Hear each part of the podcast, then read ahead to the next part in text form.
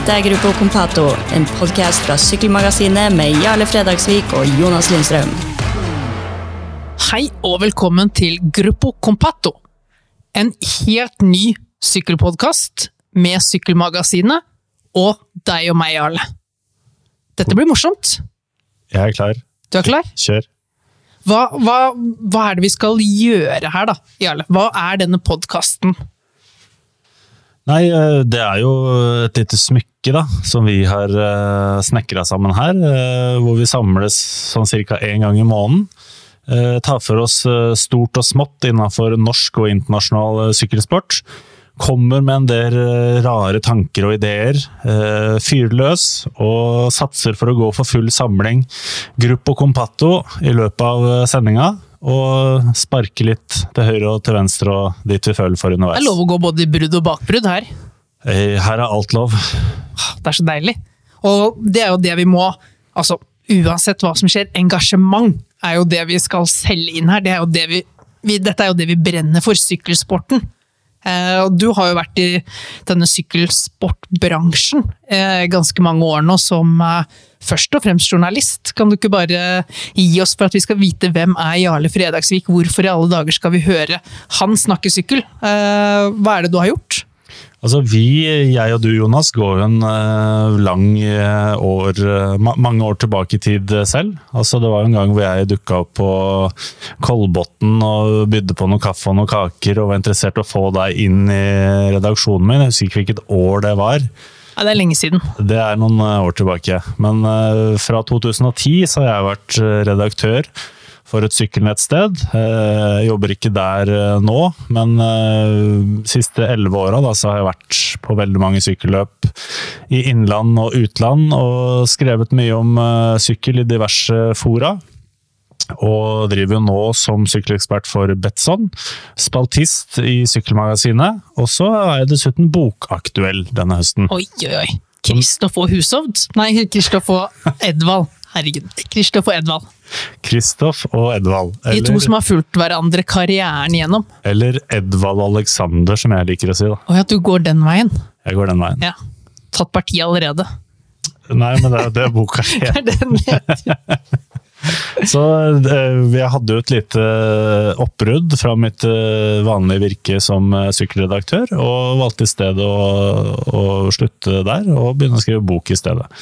Og litt podkasthistorikk har du òg. Ja, det stemmer. eh, Fra i fjor sommer, eh, hvor det ikke ble noe Tour de France, så lagde vi et fiktivt Tour de France. Eller ikke fiktivt, men vi gikk gjennom et tidligere Tour de France. Dere satte sammen en Best Off-utgave, dere. Det gjorde vi i podkasten Tidenes Tour de France. Ja, Så der er det er der folk har hørt din stemme tidligere. Det kan hende. Eller eh, som gjest i andre podkaster. Du er overalt. Overalt. Overalt. Jeg er ikke overalt, jeg er her.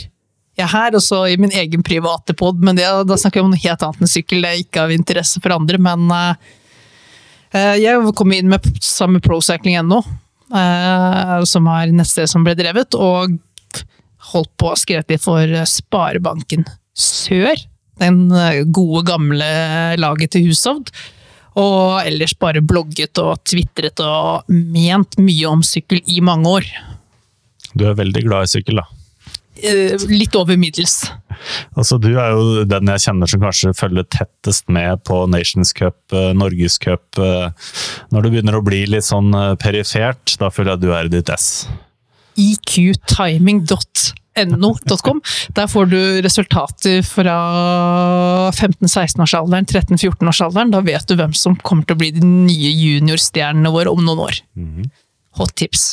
Skal vi si litt om uh, hva slags type temaer uh, vi kan finne på å ta opp i den poden her? Uh, drømmegjester, hva vi har lyst til å gjøre Altså, for noe? altså vi, vi må jo ha temaer vi brenner for, Jarle. Vi, vi kan jo ikke bare sitte og gå igjennom en gang i måneden, vi kan ikke gå igjennom hva som har skjedd i sykkelsporten den siste måneden. Vi må jo dypdykke litt i interessante temaer. Det som virkelig liksom får oss til å føle litt. Og det, for det tenker jeg, det må jo være det. Vi er på den nerdete siden, men lytterne våre er forhåpentligvis litt på den nerdete siden òg. Så vi, hvis det er noe som liksom får det til å kile litt i magen hos oss, så må det jo gjøre det samme hos lytterne, tenker jeg. Det blir ikke noe sånn standardisert uh, podkastopplegg? Altså Det er ikke noe aktualitetsmagasinet for sykkel, dette her. Nei, ikke så mye faste spalter heller, foreløpig. Nei. Nei, jeg tenker ikke det. Altså, målet vårt må jo være, du snakket litt om sånn drømmegjester og sånt også. Sykkel er jo liksom, for meg er det én stemme som er sykkel, og det er jo svenske eurosportkommentator Roberto Vacchi. Og jeg tenker, det må være en drømmegjest, og ambisjonen vår må jo klare å være å matche hans engasjement i podkasten vår. Og Sava. ja, ja, du, du må, det skal, være litt, skal bli litt svett i dette podkaststudio. Vi har en ledig stol i studio Rodeløkka til Roberto Vacchi, for å si det sånn. Hvis han har lyst til å komme hit og spille pod. Ja, det, det står eh, Da skal vi få VIP-plassen hans eh, rensket og klar. Men hva tenkte du vi skulle snakke om i dag, da? Altså Nå tenker jeg, vi, vi begynner. Vi snakker internasjonal sykkel, vi snakker norsk sykkel, og da er det jo én ting som liksom går i begge deler her, og det er Uno X-laget. Det er jo altså, Man skal ikke si at det er norsk sykkel, men Uno X har jo drevet det meste her. Altså, de har reddet norgescupritt i toer uh, til fjells. De har drevet norske U23-landslaget noen år. De har tatt eh, og skapt et kontinentallag som har blitt til professional uh, lag, og som skal videre på worldtouren. Det er jo der det skjer. Det er der det virkelig skjer i norsk sykkelsport, og det er jo et tema hvor liksom kan se litt historikken, se hvor de er i dag, og så må vi snakke litt om framtiden deres også, for der skjer det jo spennende ting. Og også litt eh, hvordan de kom der de er i dag. Det syns jeg er ganske fascinerende. Da. Ja, for du, du er jo en sånn du er litt historikeren av oss, Jarle. Du liker å se hvor er vi i dag, hvorfor er vi der i dag? Hva skjedde historisk, hvor, hvor gikk veien? Og så, altså Vi må jo starte der, vi må få på plass det. Mm. Så jeg tenker, nå har vi satt kort hvem vi er, hva denne podkasten er. Vi har snakket om Gruppo compato, samling, før vi gyver løs. er, vi, er vi klare til å vinke i gang eh, dagens etappe, eller? Jeg er i hvert fall klar. Ja, hvis ikke du, Kan ikke du bare stikke hodet ditt gjennom det her soltaket og ta fram eh, direktørflagget ditt? Eh, få litt sånn Ca- Carola-effekt i sveisen når du stiller opp, og vinke i gang. Grande pær. Perfekt!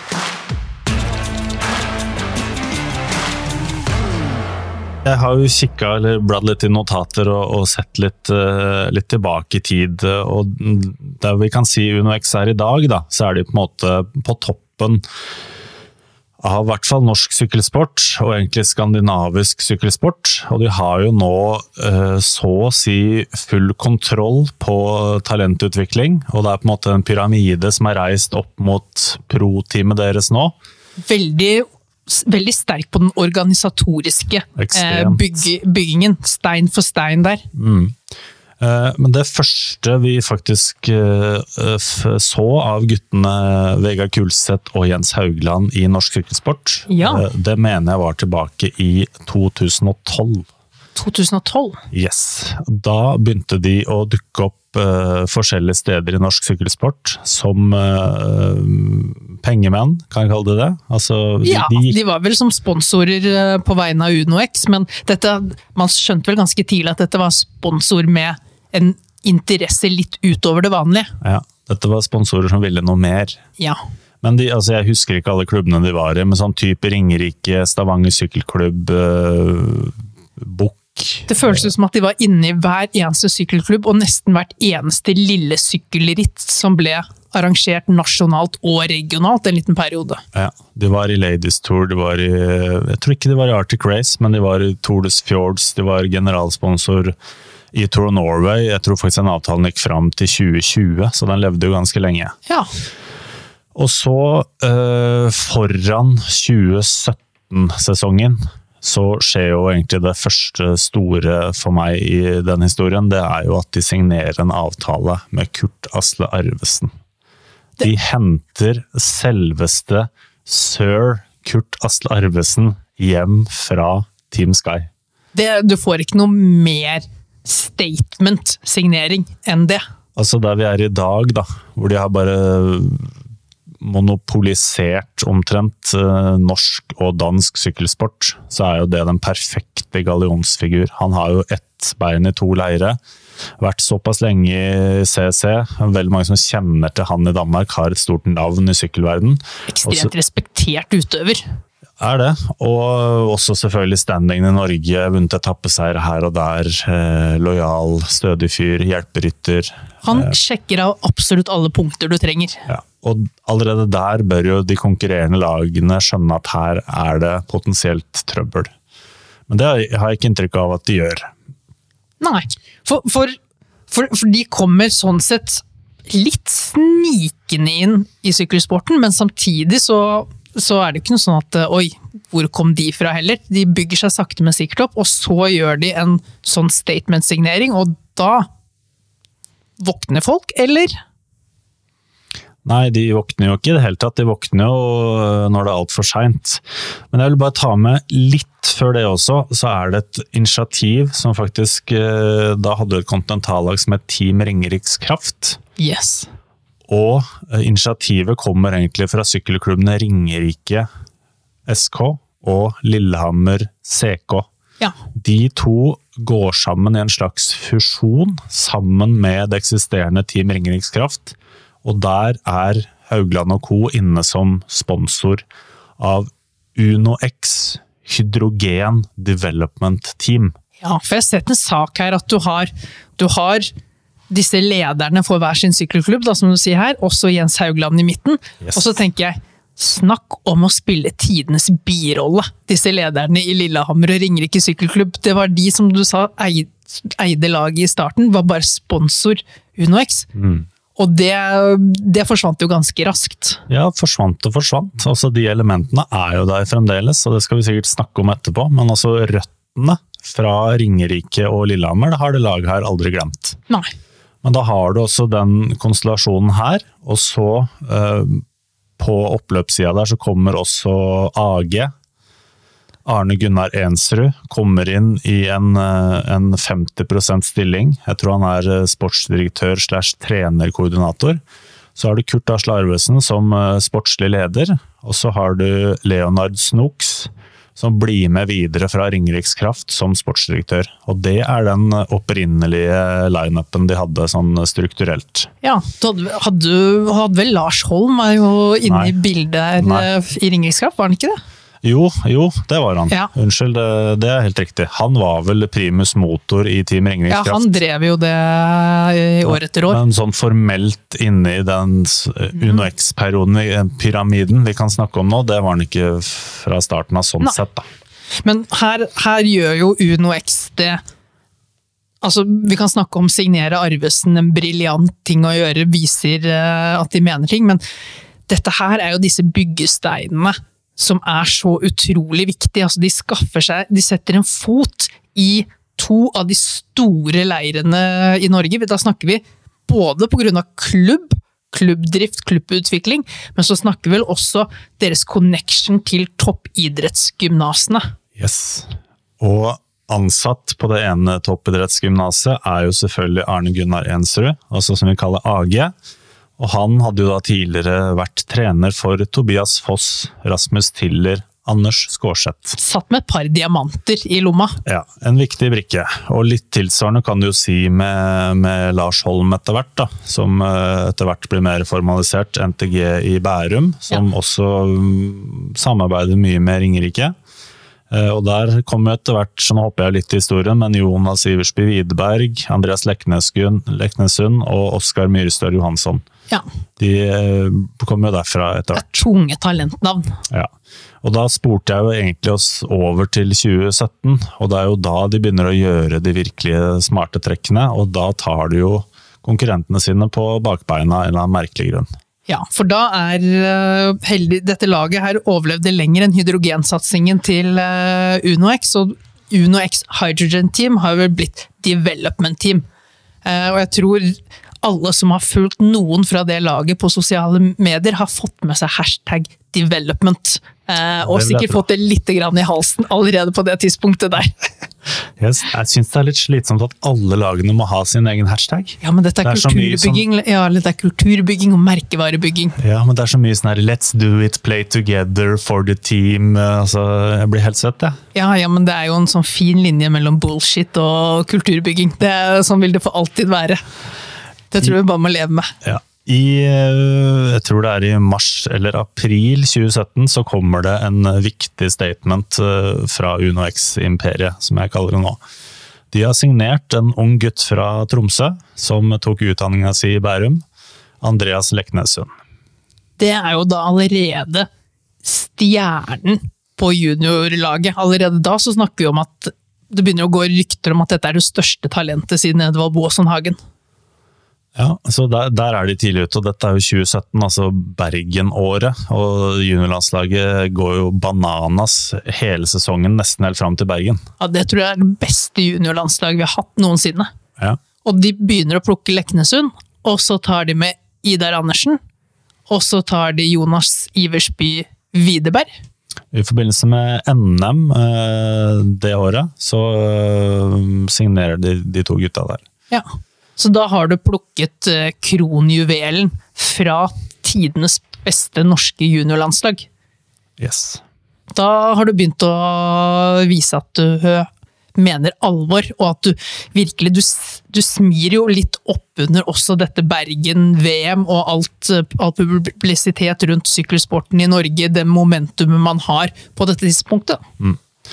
Og så er det en liten bihistorie som jeg ikke tror er like kjent. Men eh, du har selvfølgelig UnoX, og så har du et annet lag som var ganske gode på den tiden, som het eh, Team Joker. Eller Joker Icopal, eller Joker Fuel of Norway. Altså, Kjært barn har hatt mange navn. yes, sponsorhattene bytter man jo fort i den bransjen her. Og det som jeg mener at ikke alle er like klar over, er at Birger Hungerholt, som eh, var daglig leder i Interspons, og som bygde sitt imperie via denne Joker- eller Maxbo-satsingen, eh, han skjønte jo tidlig at hvis han skulle klare å lage et pro-Conti-lag, eller pro-team som vi kaller det i dag, så var han avhengig av pengene til UnoX. Det, det, var det, det var måten å komme seg til det forjette land på. Ja.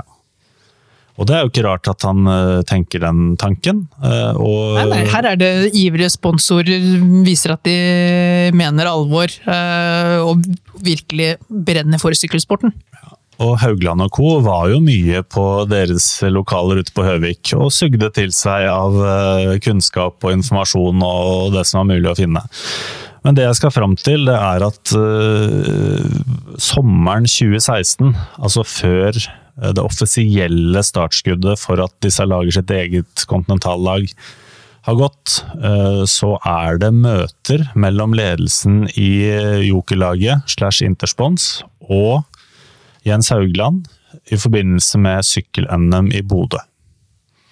Der legges det fram planer som eh, ikke er helt ulik eh, måten UnoX eh, ser ut i dag. Altså den samme pyramiden.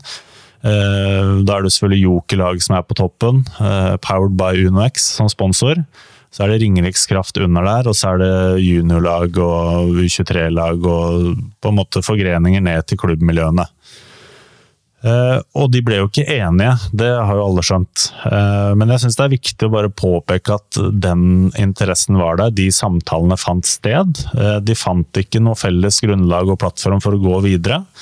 Eh, dette har jeg spurt Birger om i ettertid, og jeg føler ikke at han eh, har noe dårlig forhold til Jens Haugland i det hele tatt. Så det er ikke noe sånn eh, Det er ikke noe bittert her. Nei, altså ikke noe sånn, det er ingen som har stjålet noen ideer fra hverandre, sånn som jeg tolker det.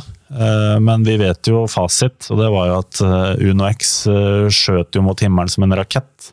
Og det ser, deres organisasjon ser veldig likt ut i dag som det som var tegnet opp back in the days. da. Så Ja. mye, av, mye av de tankene som lå hos Birger Hungerholt og Interspons om hva de kunne få til, er noe UnoX har realisert, bare nå på egen hånd. Ja.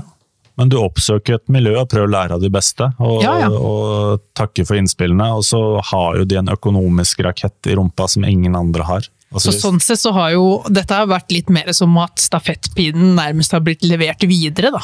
Ja, og siden vi snakker om Joker, da, så var jo litt av problemet der også var jo at arvtakeren etter Hungerholt fantes jo ikke. Så når Nei. han som 70-åring begynte å bygge selskapet sitt ned, og det skjønner jeg veldig godt, så havarerte jo hele greia. Så det har jo ikke noe å si sånn sett. Det ble jo ikke noe mer Joker. Nei, nei. Og, tidlig, og det som er morsomt med UnoX, da, For tidlig så prøver de å dytte Joker litt sånn foran, og prøver Da kommer de inn og sier at ambisjonen deres er å ta vare på de unge talentene, være liksom første stedet talentene går etter eh, juniortiden, og så skal de gjerne dytte de videre til Joker om de er et pro-team, liksom. De kan gjerne, Joker kan gjerne gå opp veien, være lokomotivet, og så skal de eh, være de som holder hjulene i gang og tar overgangen og sørger for at eh, norsk, utviklingen av norske syklister går som det, så det griner etter.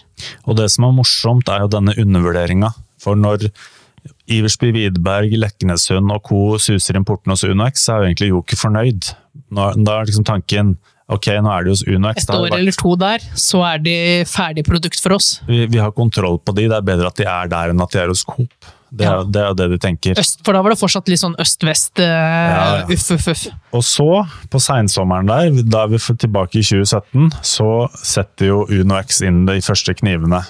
Og da eh, tar de kontakt med Iver Johan Knotten, Rasmus Fossum Tiller og Tobias Foss, og selger inn prosjektet og hva de skal gjøre, og hvordan de skal bygge en ny U23-satsing.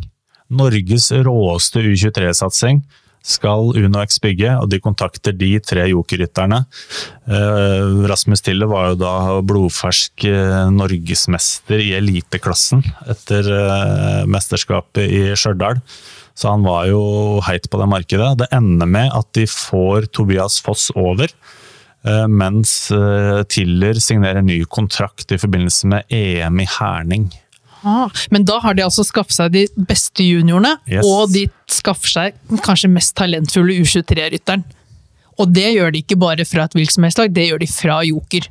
Så derifra så er det ganske åpenbart for oss alle at dette at, Og det er litt det som har vært med Uno X hele veien gjennom, at de sier noe, de uttaler noe, og så er ambisjonsnivået og momentumet de har, det er så stort at, at det er tar nesten, det er nesten idet ordene kommer ut av munnen, så er de på nesten-nivå og klar for å gå videre derifra. Så det, er- det er ikke sånn at de sitter og ljuger, det er bare det at når de først får til noe, og får til litt til, og får til litt til, så bare vokser ambisjonene med det, og plutselig så eh, Et sitat som er et år gammelt, høres mye, mye eldre eh, ut enn et år gammelt.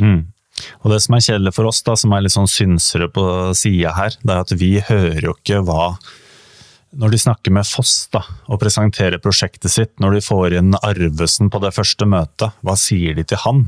Sannsynligvis har de bare sagt allerede at eh, vi skal lage Norges største profflag. Altså bare gi oss et Du tror ambisjonen var der fra start av? Det skulle ikke forundre meg det. Men altså, vi har jo ikke hele bildet. Vi har en del puslespillbiter. Men jeg vet også, det er jo en grunn til at altså, Fosseren går over. og Det kan jo ha med AG og liksom Lillehammer, eller at de bare skjønner at dette er det nye store. da. Skårseth går over seinere denne høsten. Yes. Han hadde egentlig forventa å bli proff i jokerlaget, det skjer ikke. Så han sier bare Han hadde vært ute og testa seg litt hos Coffeedis, han hadde han ikke det også? Jeg vet ikke om det var da, men Nei. han sier i hvert fall eh, nei. Han, da bare switcha han til Lauka, og så bare forsvant han ut, liksom. For Joker hadde jo egentlig kontroll på en del av disse talentene sånn fra tidlig av. Ja. Og så og påfølgende år da, så tappes det jo enda mer, for da går jo Kristoffer Skjerping og Markus Holgaard fra Joker til UnoX.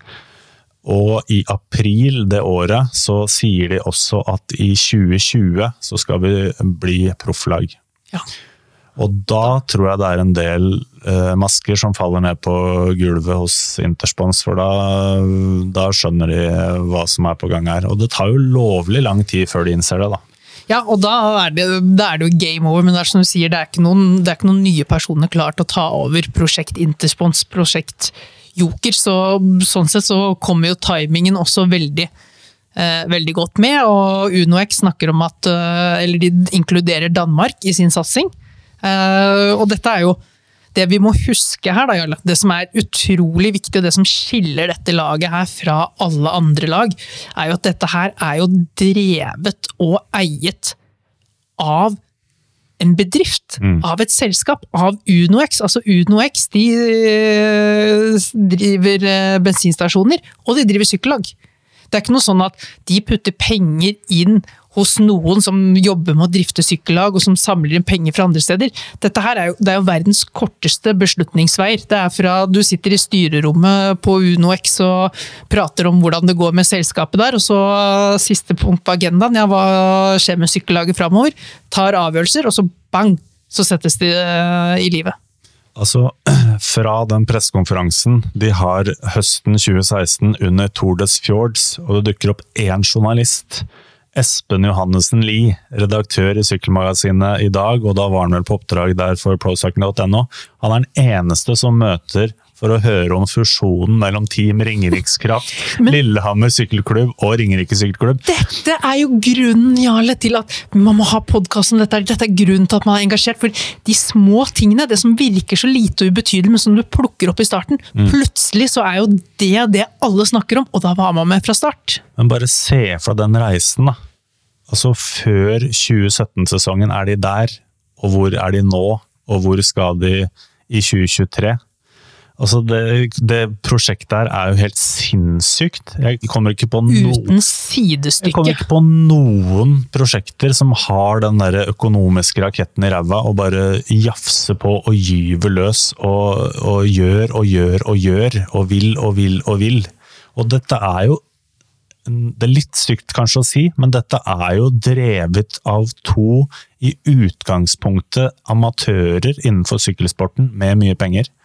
Og, men her er det som er viktig her, at de har mye penger, men de har ikke sine egne penger. Dette er ikke som rike onkler som sitter i rike onkler i fotballen, som sitter og gir av sin egen formue til en klubb som skal drifte. Dette her er jo businessmenn, altså dyktige forretningsfolk, og der tror jeg jo idretten har hatt litt å lære og gått glipp av mye muligheter å få inn dyktige businessfolk. For idretten der handler det stort sett om å gjenbruke de som allerede er der. Altså Ryttere skal bli til sportsdirektør, de skal bli til TV-kommentator, de skal drive sine egne lag etc. etc. Det å få inn mer sånn businessmentalitet, de som har lykkes med å bygge altså Det er mye likt i å bygge eh, kultur og bedrift der, som det er å bygge sportslag og kultur der. Og de har gjort en helvetes innsats.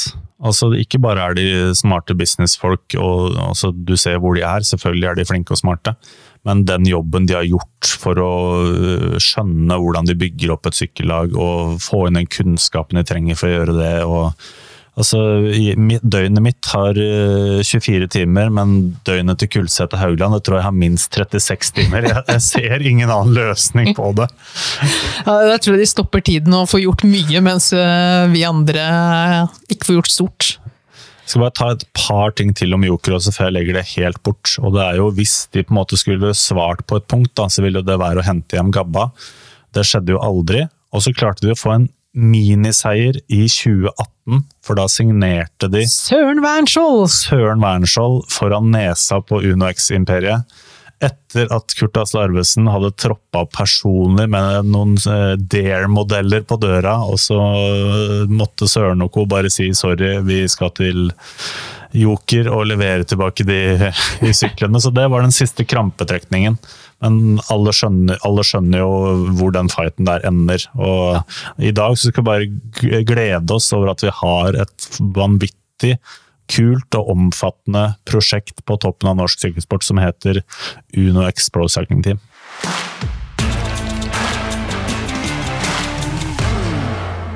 Og da har vi jo kommet fram til dagens situasjon. Nå har vi vært litt gjennom historikken. Nå er vi her, eh, Jarle. Norsk pro-team ute og sykler. Og jeg tror på en måte de fleste superlativer er allerede brukt i Norge, men det som er litt fantastisk, er jo at man har en hel del positiv omtale i utlandet òg. For at, at man kan bli profet i eget land, eller at du blir en helt i norsk idrettsverden. Det skal ikke fryktelig mye til. Vi elsker oss selv, og vi elsker våre uh, sportshelter. Men at når de begynner å se det i utlandet også, begynner å omtale det, da Det er på en måte den derre forsikringen om at ok, dette er, ikke, dette er ikke bare oss som uh, sitter og klapper for oss sjæl. her er det faktisk noe veldig bra som skjer. Mm. Og eh, på kort sikt så, så, ser man jo bare på hvor ettertrakta norske ryttere har blitt. Altså Store lag kommer jo nå og skal ha nordmenn, liksom. De, eller de, de, ringer en agent og sier 'hei, har du en Uno X-rytter'? Altså så, så, så, gærent, så, gærent, har det blitt. Det er blitt et kvalitetsstempel. Ja, det har blitt det. Og jeg tror du sitter og ser enda mer, mer sykkel enn jeg gjør sånn i løpet av en uke, faktisk. Men uh, hva syns du, da, på en måte, for det er jo det de blir målt på? Hvordan de på en måte opptrer i ritt, uh, hvor ja. offensivt de kjører, uh, hvor mange de sitter igjen i slutten av finalene. Og vi ser jo veldig mye på resultater i Norge. Det er en liksom sykdom vi har hatt. Yes. og Det var jo egentlig det som var problemet til Joker, også, nå nevner jeg de igjen. Men de skulle også på en måte sykle avansert, og så fikk de ikke alltid resultatet. Men de har i hvert fall gjort en god var, opptreden. Ja. Og tidlig i sesongen så kan man jo si at UnoX falt litt i den samme fella. Men de klarte liksom å overbevise samtidig, og fikk veldig stor internasjonal aksept for det. da. Jeg, helt ærlig, jeg syns det har vært litt ubalansert. Eh, refleksjoner og analyser over eh, hvordan Uno X har prestert i år. Jeg syns det egentlig har blitt ubalansert på en voldsomt positiv eh, side. Og det er jo noe som er vanskelig i idretten, så er det mye lettere å bli slaktet eh, hvis du gjør noe som egentlig bare er bitte lite grann dårlig, og blir utrolig hyllet for å gjøre noe som er litt bra. Det er veldig vanskelig. Uh, UnoX har jo gjort De har jo noen, et par veldig smarte grep. Altså en ting som du sier, ja, de er ute og kjører offensivt og alt dette her. Det er det mange andre lag som gjør òg. Og det gjør de i sorte drakter, mm. hvite drakter, blå drakter. De går i ett med alle andre. Altså, i disse her fargene som UnoX sitter og sykler i, ja, de gjør, de gjør, en god del positive ting i sykkelritt, men du ser jo pokker meg alt positivt de gjør òg, i den drakta. Og ganske mange svære, sterke syklister, de syns godt i feltet. Og med alle de angrepene de gjør, all den offensive syklingen de gjør, så syns de bedre enn mange andre lag. Så jeg tror de, jeg tror de flyter litt på det der, og det er jo igjen branding, det er eh, bygge merkevare, det er bygge produkt. Det er hele den bedriftstankegangen. Men jeg eh, tenker jo også eh, Kanskje ble det litt hausa i starten, eh, hvis man nøkternt ser på resultater. Men jeg husker også hvor vanskelig inngang de fikk til årets sesong. Altså, Vi tenker jo at nå var jo covid over, den var jo ikke det. Altså, De Nei. kjørte jo ikke ritt de, før de kom til klassikerne. Nei da, de hadde i tillegg så hadde de jo en periode her hvor norske myndigheter eh, ikke gjorde noe lettere for de enn andre eh, lag som holdt til i andre land ute mm. i Europa. Sånn sett så er jeg ekstremt imponert over f.eks. Markus Holgaard. Hvordan han starta sesongen, og nivået han viste fram i E3, Harlbekke.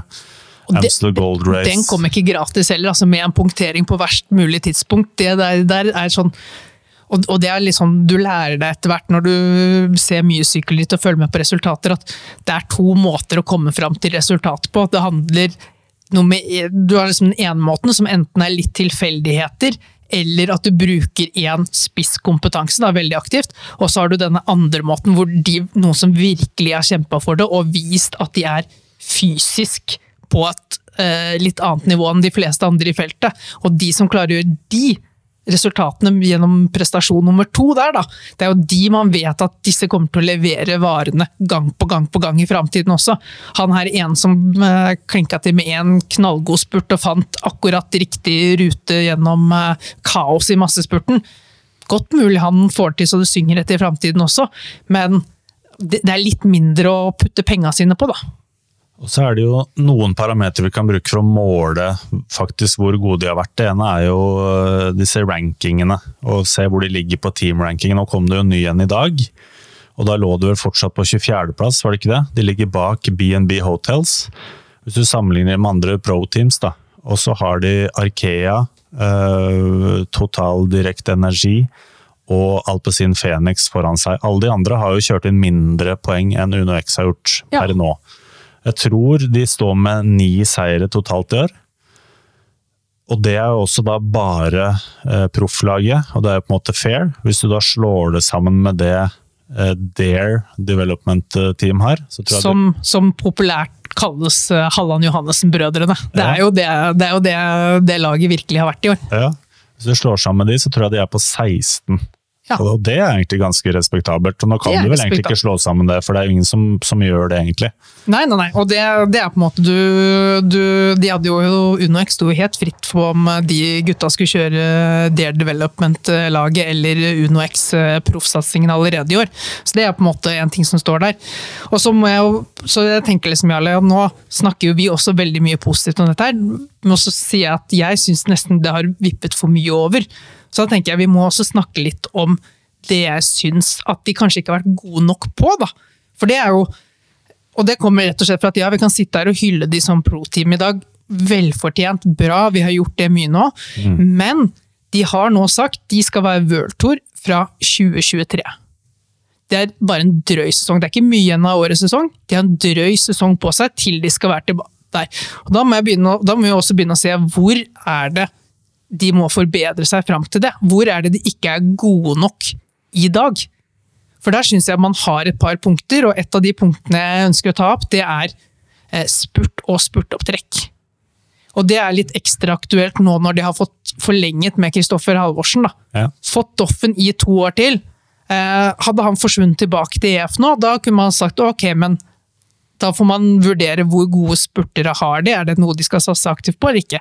Nå har de Doffen, de har fått uh, forlenget med Niklas Larsen. Nå har de utgangspunkt, de har Erlend Blikra, de har Daniel Holgaard. Det er masse raske menn i det laget der. De vinner nesten ikke masse spurter. Og dette skal egentlig være de enkle seierne. Det er jo de man på en måte skal kunne plukke flest av. De fleste, det er mange spurtmuligheter i løpet av en sesong. Ja. Og hvis man ser litt på Doffen sin eh, sesong, da. Han står vel uten en eneste seier i år. Det er jo på en måte den der prikken over i-en de mangler i Unex. Tar man den sesongen, da, så syns jeg at han kom inn fra et forferdelig skuffende 2020. Han var demotivert, eh, alt mulig dette her. Helt naturlig, han hadde ikke nivå for å vinne. Men han hadde et mye bedre nivå enn man trodde. Kom rundt Tyrkia rundt. I min bok, nivå for å vinne, ikke opptrekket rundt seg for å vinne.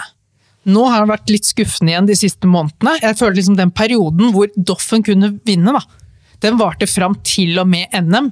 NM er jo en historie i seg selv, og tenker jeg som det går kaldt nedover alle som jobber i UnoX-systemet når den dras opp. Det er, liksom, det, er det ene ordentlig smertefulle eh, tema å prate om. Men fram til der så følte jeg at Doffen var god nok til å vinne. Laget var ikke god nok til å, eh, til å plassere han. Og der har jeg savnet en plan, da, og det er det jeg er litt skuffet over med UnoX. For de, er, de har, legger mye planer, de snakker om utvikling, de snakker om å eh, bygge et lag. De er masse raske folk, men jeg har ikke sett en struktur i spurtopptrekket deres overhodet denne sesongen. Og så kan man si ja, de har hatt dansker som har satset banesykling i OL, det har ødelagt litt, og Søren Wernskjold skal kjøre sitt U23-program. Bare hvis du henter Doffen, da, skal få han opp og fram, og det har du, de har virkelig løftet han. Det har vært en mann de selv har løftet opp før sesongen startet, og i starten av sesongen. Da, må, da committer du også til å bygge noe som er bra nok rundt han, til at han kan vinne. Og, der er, og i spurtopptrekk det handler så mye om de ulike rollene. Altså å være sisteopptrekker, å være tredje siste i toget, fjerde sist. Det er så utrolig ulike oppgaver. Fysisk, mentalt. Det, det er en sånn pakke som må settes sammen, og der syns jeg de har vært utrolig dårlige, faktisk, til å få satt de ulike rollene. Få det her til å gå på skinner. Og, og, og det med så mange topp ti-plasseringer som Doffen har, da, det kunne vært en god del seire hvis det hadde, maskineriet hadde gått eh, bedre. Og det skjer nå på pro-team-nivå. Kommer du til World Tour, kommer du til Grand Tours og skal prøve å vinne spurter der. Helt annet nivå. Der, føler jeg de, der må de opp i ringa, rett og slett. Men hvordan ser det ideelle opptrekket i laget der ut i dag? Det her er jo det som er, og her er det jo Vi er synsere, og innimellom kan vi jo til og med vi kanskje se litt uh, våre egne begrensninger. og der jeg liksom føler min egen begrensning til å svare på det spørsmålet ligger, er at man kjenner ikke typene godt nok.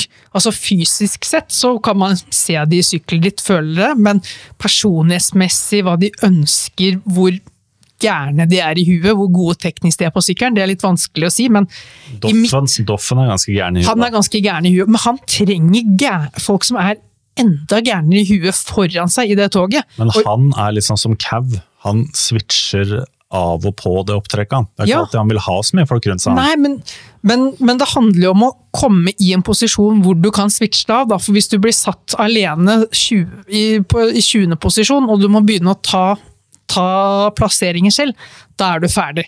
Men i mitt, for å svare på spørsmålet, da. Sett utenfra, eh, mitt ideelle ser ut som Doffen som siste spurter. Niklas Larsen, mannen med baneerfaring, eh, god til å håndtere felt. Vi så det i U23-klassen.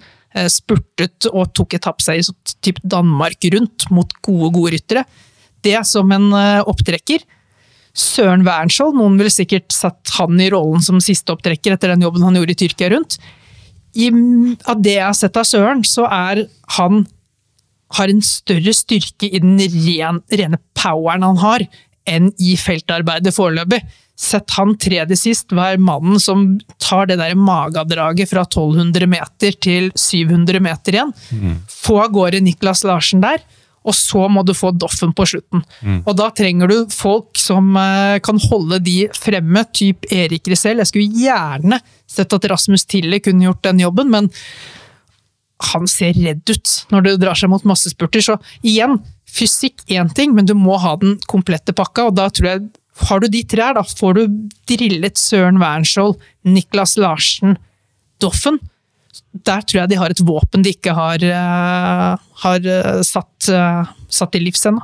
Jeg savner egentlig en av de mer eh, meritterte, rutinerte norske rytterne. Tror Daniel Holgaard.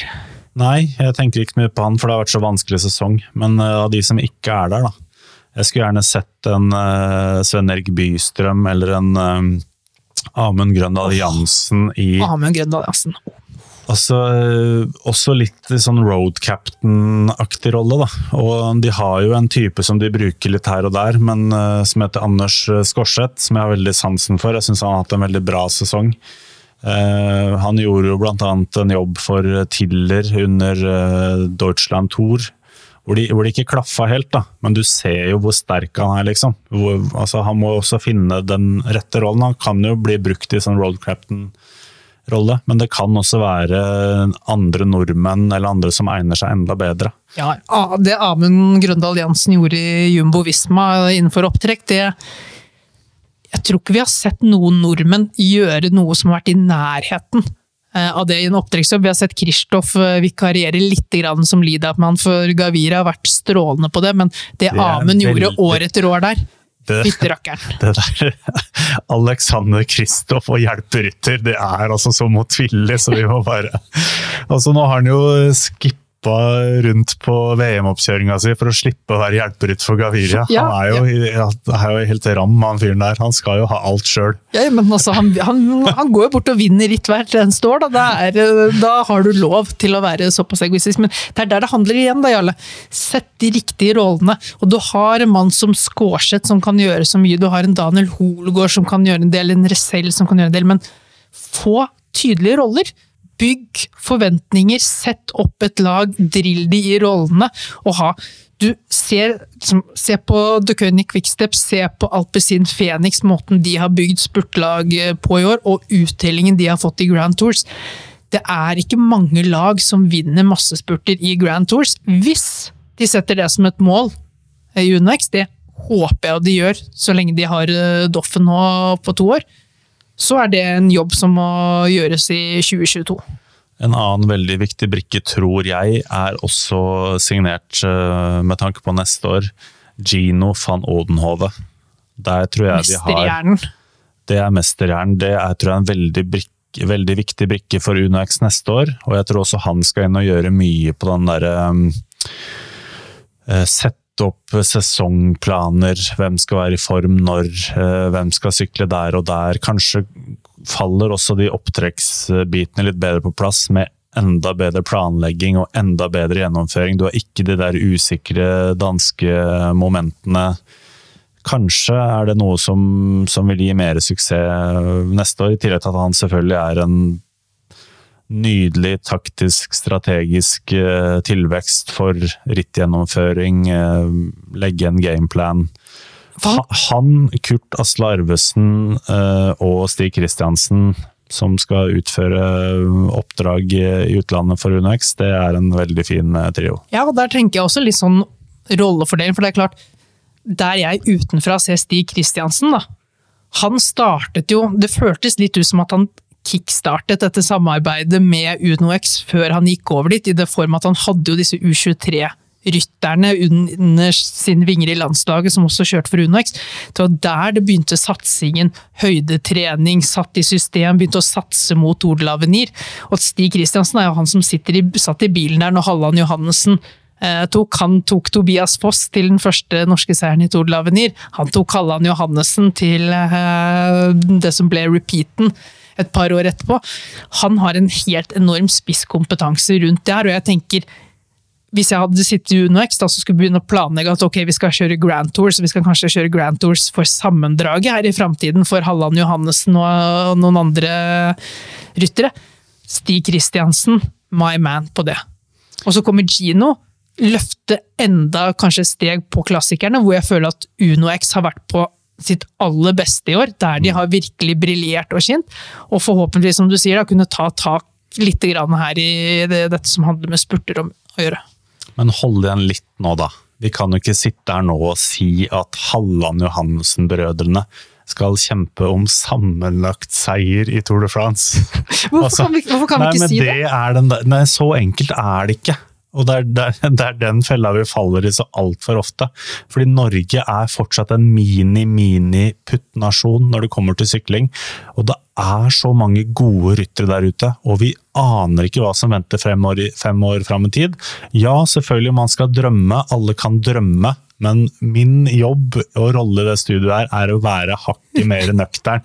Og jeg nekter å sprette noe Tour de France Nei, men, sjampisflaske for noen gartnere fra Drøbak per i dag. det, Sorry. det, det er ikke nødvendig heller, det er enig men, men, men som du ser, Men da vi, de- all- Men det må jo være et Når du kommer til World Tour i 2023, da, og du skal kjøre Vi snakker mye om Grand Tours, men det er jo tross alt eh, Vi snakker s- nesten 70 rittdager i løpet av året er Grand Tours.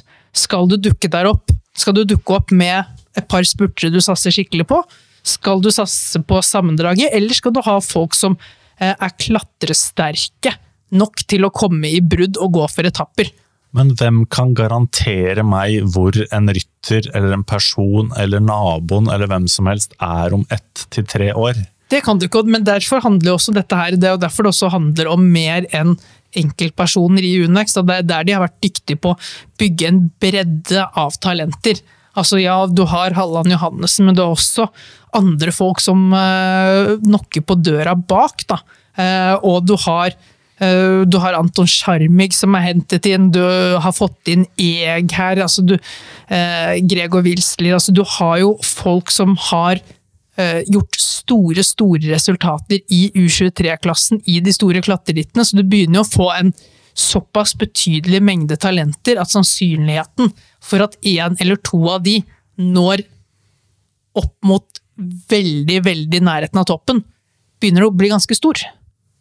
Og det, er der jeg, og det er der jeg også føler at de har tatt et stort steg. Når jeg snakker også om balansere prestasjonen i år, så føler jeg også at de, de, har, de har flydd veldig altså Det de har gjort klatremessig i år, der har de skjult seg veldig godt bak at Halland Johannessen-brødrene og Anton Skjermig har herjet i U25 eh, og U23-klassen.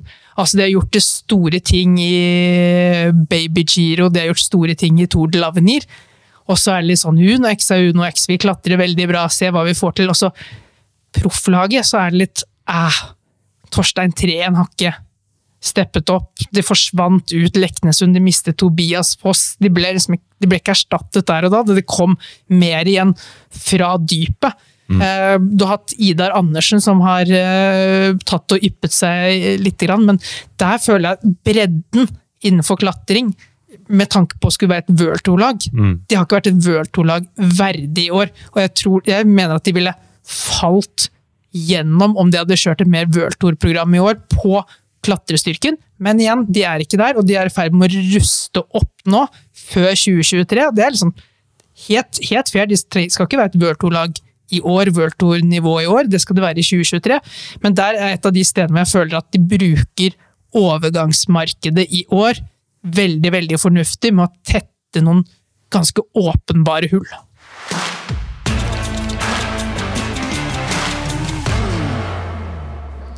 Jeg er litt spent på altså jeg, Nå hører jeg egentlig Kurt Asle Arvesen, som jeg føler har vært litt sånn motstykke i den prosessen her. Han var ikke gira på at det skulle bli pro-team.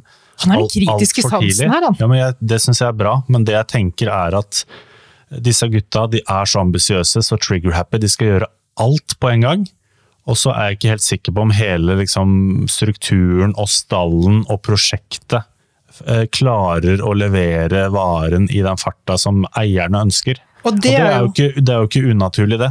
Nei, nei, og det er jo noe man ser i, innenfor bedrifter, og du ser de andre sportslige. at Én ting er å være deg sjæl som leder og alt, og du er med å ta beslutningene og alt. Det skal forankres ut, kulturen skal sette seg, all, hele organisasjonen skal henge med. Da. Så når dette toget bare durer av gårde, så må alle vogn, Du kan ikke ha en vogn som henger igjen på første stasjon og en på andre stasjon, du må ha med deg det hele.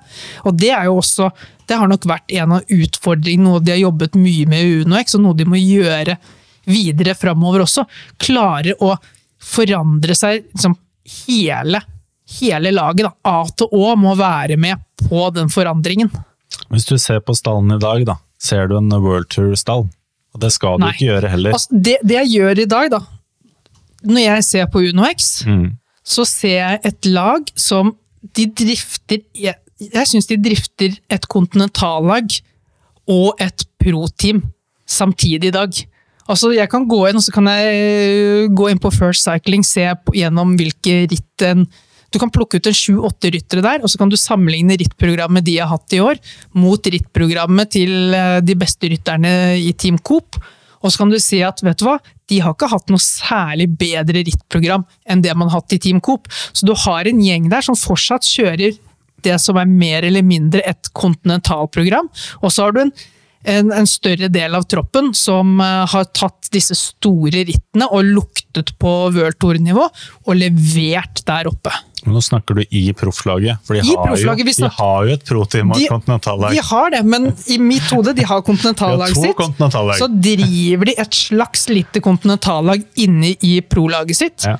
Uh, og det er jo det de ikke har råd til i 2023. Men der har jo også og da var vi litt ute på Twitter med Jens Haugland her uh, i helgen.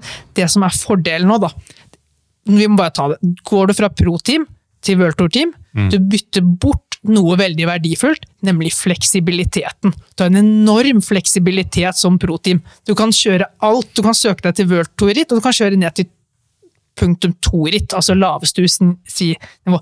Du er ikke forpliktet til noe som helst. Du kan Eh, prøve å plukke og velge det programmet du ønsker.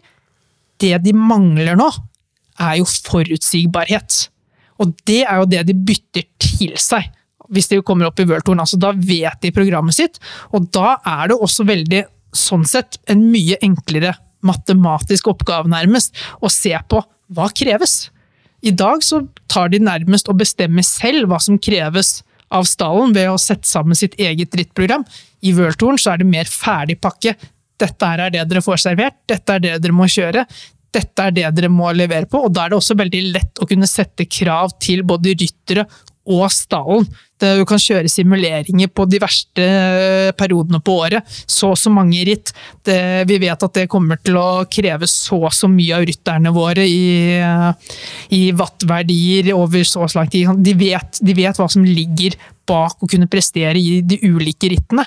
Så sånn sett så er det jo nest, altså det er nesten en matematikers drøm å kunne hoppe inn på denne logistikkutfordringen til Uno X i World for alt ligger så tydelig og klart.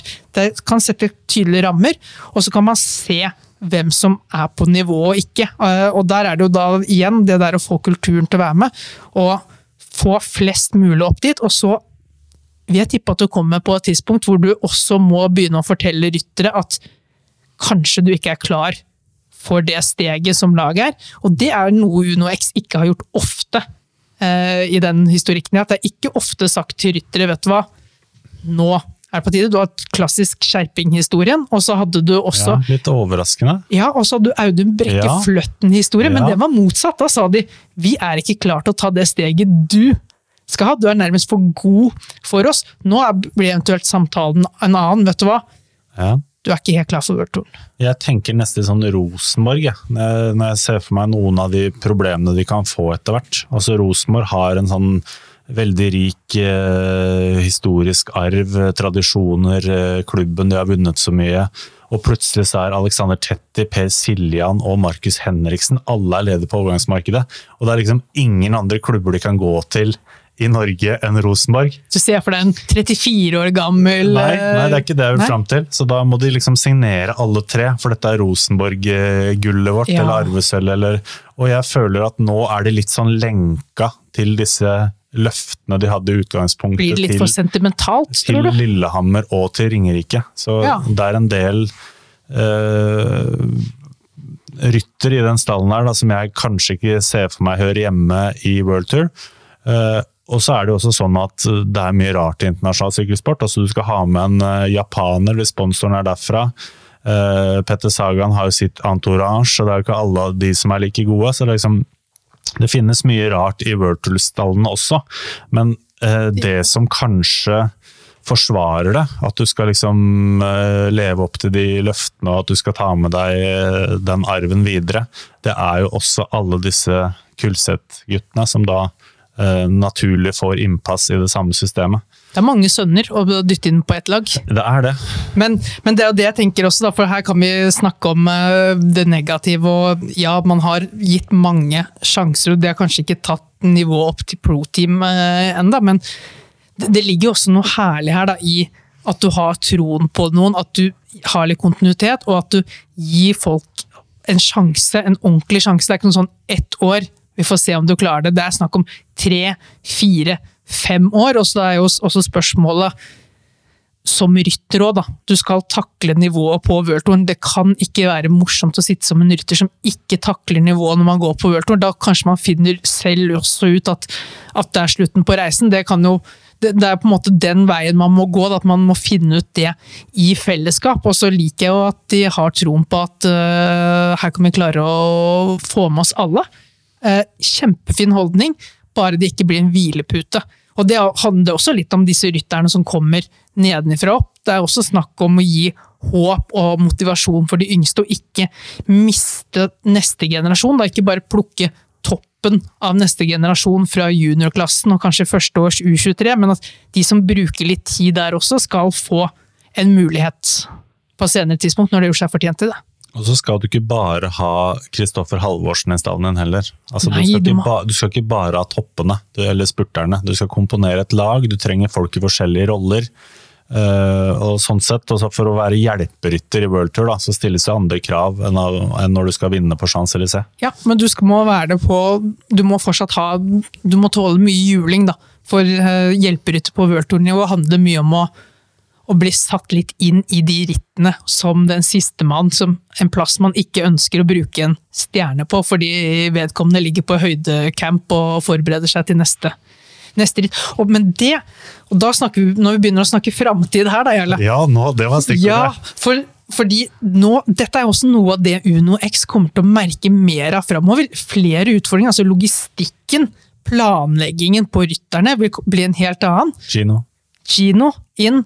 Nei, men Gino skal hjelpe dem med det. Ja, ja. ja, men han er jo en viktig nøkkel der, det tror jeg så absolutt. Han Men spør med han hvor vanskelig det er å sende en slagkraftig tropp eh, for, fra Quebec Assos til alle rittene på World Tour-kalenderen. Altså, det er et lite helvete. Det er jo akkurat det der, og det handler jo om å, om å få det beste ut av dine beste ryttere. Da. Og for å være litt slem, er nesten å misbruke de mindre gode minst mulig. Det, for det er som sagt det er en kabal som skal gå opp. Det kommer Unox til å måtte kjenne mer på. Og nummer to nå, Jarle, er jo det som er veldig tydelig her nå, er jo at det er tid for å få noen inn i dette prosjektet. Prosjekt UnoX internt driver av gårde med en økonomisk rakett i rumpa, som du har sagt, den trenger en rakett til. Ok, Det, du, og da, jo, og da tenker du på nei, men det er jo veldig tydelig nå. En du rytter? Nei, nei, nei, nå tenker, begynner jeg å tenke på samarbeidspartnere som skal inn med penger i prosjektet. Det er Ja. ganske tydelig nå at Jens Haugland og Vegard Kulseth, du ser hvordan de holder på på LinkedIn, hvordan de holder på i media, på Twitter. Det, det begynner å selges, dette pakketteres inn, laget, eh, ambisjonen, fremtiden pakketteres inn i et produkt som skal selges ut til samarbeidspartnere og sponsorer. Men jeg ser for meg at det blir litt sånn vanskelig. Også, hvordan kommer du inn fra siden der, og skal, å, skal du liksom dytte Uno X-logoen litt ut på sida? Det går jo ikke det. Altså, alle som vil være interessert i noe sånt, skjønner at her spiller du jo annenfiolin ved siden av sugerøret i lommeboka til Reitan, Uno X-familien. Altså, Ja, og det er jo ikke bare enkelt å komme som en uh, co-sponsor utenfra der, tenker jeg da. Nei, det er det jeg også I- i tenker at det er vanskelig, for du, du tar jo nesten ikke Du sponser ikke Rosenborg fotballklubb, liksom. Du sponser Uno X-team. Eh, og, og det er derfor jeg er litt, jeg er litt overrasket over Eller Uno X Energi. ja, men ikke sant, Jeg kommer jo inn her og så tenker jeg ah, det mest naturlige hadde jo vært å hente en sponsor til fra Reitan-gruppen. Ja. Altså ta, ta Rema 1000, da. De satser i Danmark, de satser i Norge. Hvis det er sånn da at UnoX har hatt en kjempe markedsføringsstrategi med dette laget her, det har hevet dem eh, tallene deres, performance, til bedriften UnoX.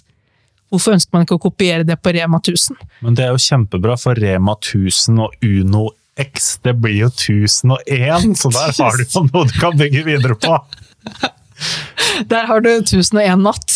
Du får inn Qatari oppå der, da, som liker Oi, eh, nei, uff, uff, uff, uff. Nå skal, Så langt tror jeg ikke vi skal selge det. Men, men det er nettopp det. da. Jeg tror de har et kjempegodt prosjekt. Fantastisk profesjonelt.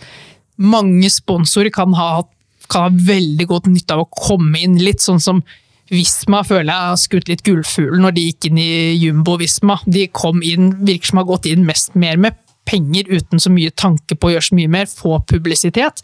Det kan noen andre gjøre her òg.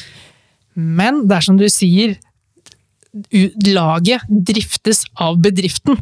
De vil tenke seg selv først, og da må de plutselig begynne også med en annen, et annet arbeid, nemlig sponsor pleasing.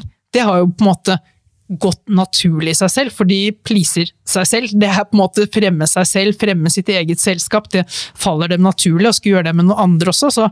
Men det er sikkert masse møtevirksomhet som har pågått uh, hos dem nå. Men da vil jeg spille inn et navn. Bjarne Riis.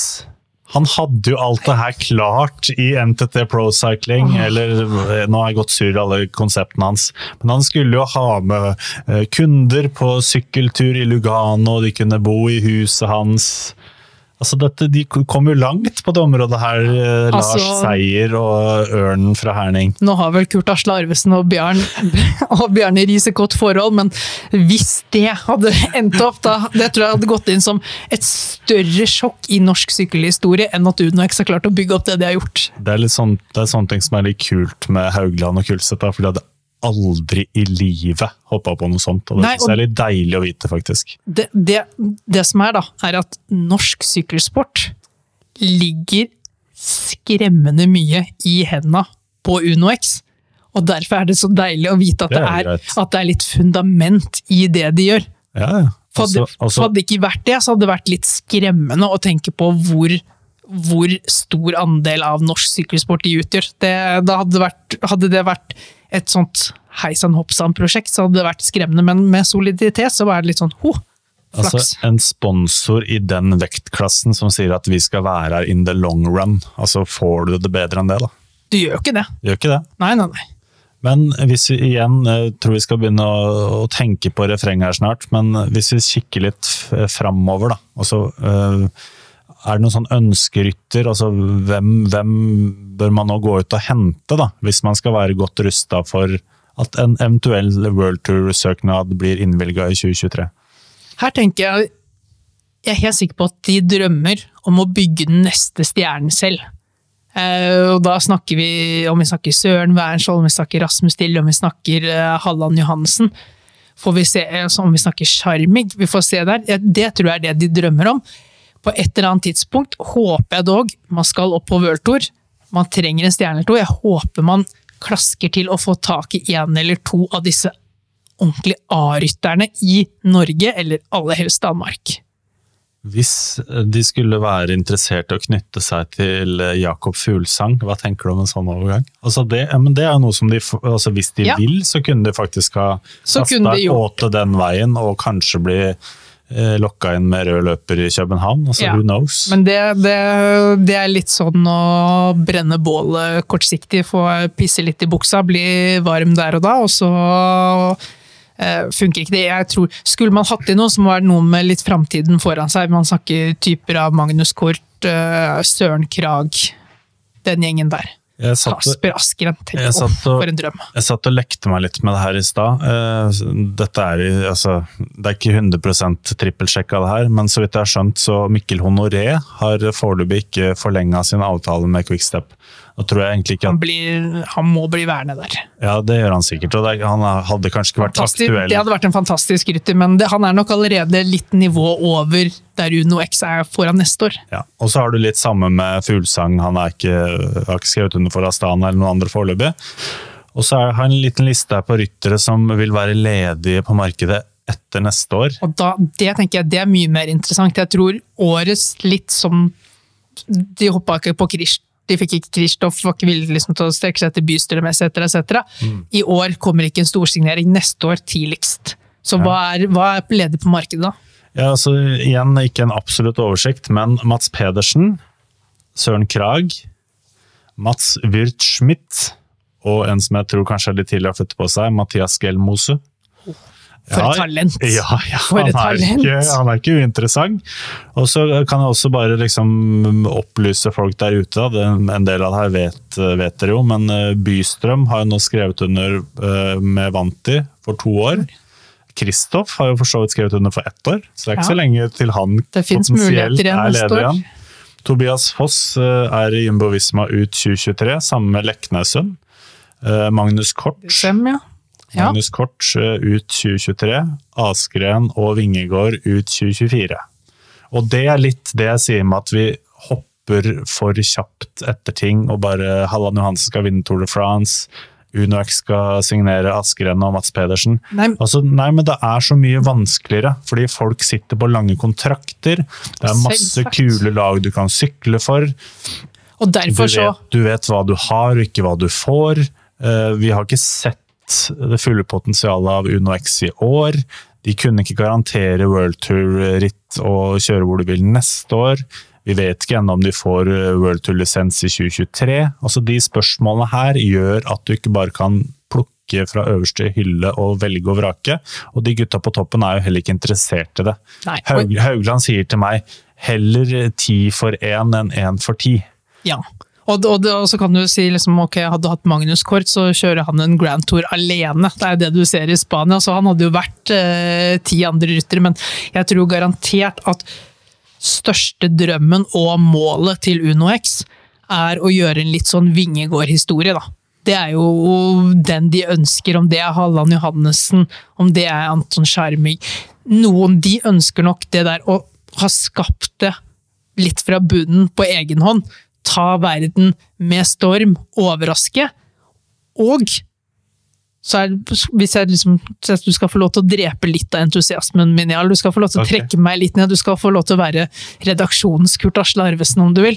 uh, men jeg tror, på et eller annet tidspunkt, at UnoX kommer til å gå ut med litt den samme strategien som eh, Team Sky endte opp med. Og det er at de skal ha den første norske eller danske sammenlagtvinner av Tour de France. Jeg tror vi kommer dit på et tidspunkt. Og så skal jeg skyte inn én ting som jeg glemte, og som jeg egentlig hadde på lista mi.